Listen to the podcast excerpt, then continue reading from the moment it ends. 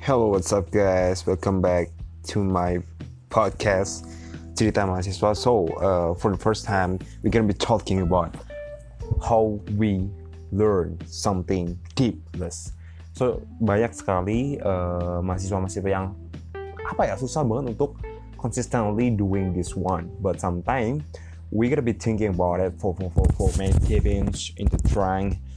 so, the first time, that's like something uh, kalau misalnya kalian pertama kuliah gitu biasanya kalau kalian SMA itu kan biasanya kalau belajar belajar paling isinya dirangkum kan.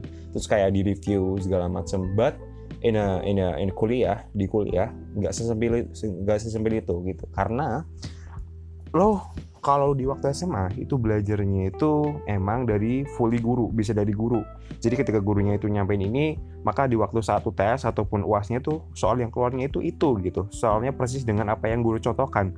Ataupun lebih little bit stronger or like uh, hard but something lo bisa ngakalin waktu SMA tapi fully and graduated when when when I was when I was uh, senior high school graduated gitu ya. Gue masuk kuliah ya waktu semester pertama emang ya santai-santai dulu terus kayak main gitu. Nilai jelek juga nggak apa-apa nggak ngaruh buat diri gue gitu.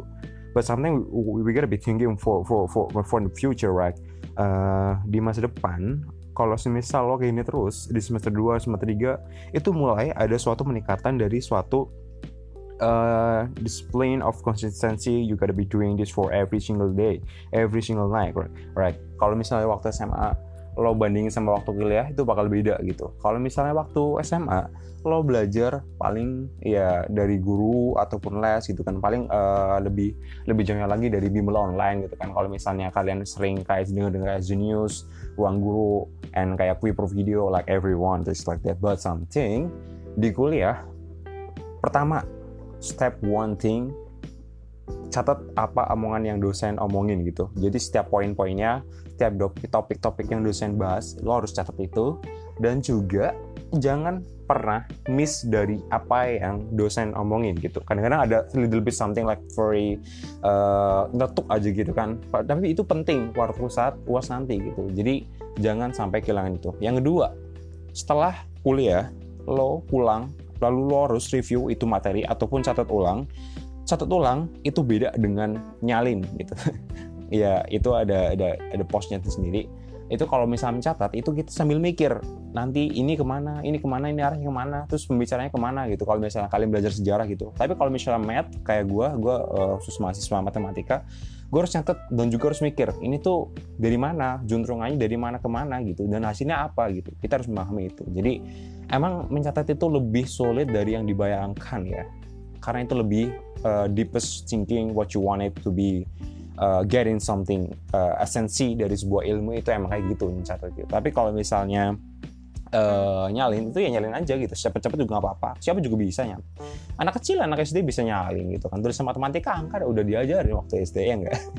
Dan yang itu nyalin terus juga lo harus baca yang namanya bahan ajar. Bahan ajar itu penting banget untuk uh, basic kemampuan kemampuan basic kayak basic skill untuk tes lo nanti waktu tes ataupun uas pasti itu adalah salah satu hal yang diambil dari bahan ajar dan itu sangat penting. Dan itu lo harus buat mind mappingnya karena kalau enggak itu bakal fatal banget waktu gua semester 1 gue ngelakuin itu dan gue nggak memperhatikan diktat atau bahan ajarnya itu yang dibahas apa dan gue fully blank and I can write it in gitu. Ya boleh lah. Ya nilai uas gue jelek gitu jadinya. Makanya harus bikin mind mapping dan yang ketiga nih ketika lo udah belajar tentang mind mapping itu adalah review. Review for every weeks. So gue biasanya jadwalin itu pelajaran. Kalau misalnya pelajaran itu hari Rabu maka reviewnya itu harus di tiga hari setelahnya gitu. Karena emang kalau misalnya nggak di review ataupun di retention rate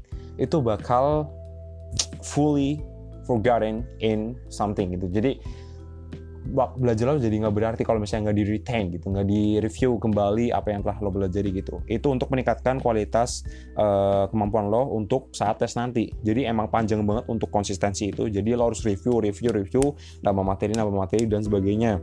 Dan kemudian setelah lo udah uh, konsistensi review itu adalah peningkatan kemampuan dalam uh, pengerjaan soal. Jadi soal-soal yang udah lo kerjain di level uh, awal lo harus tingkatin level yang lebih advance, advance gitu, yang lebih sulit gitu untuk peningkatan suatu connecting the dots gitu.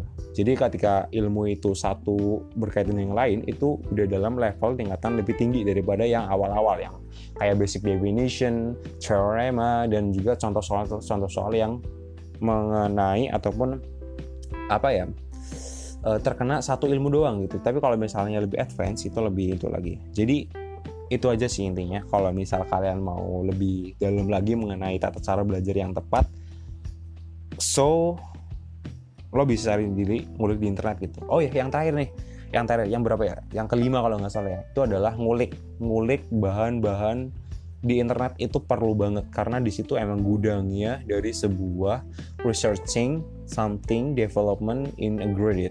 Itu sangat penting banget jadi lo harus mulai itu. Jadi itu penting banget seriously. I'm not jokes ya tapi jangan sampai lo uh, kena addicted internet kayak YouTube, social media lo harus fokus on demand. Atau kalau mau internet lo fokus di pelajarannya lo dapetin lo keluar gitu.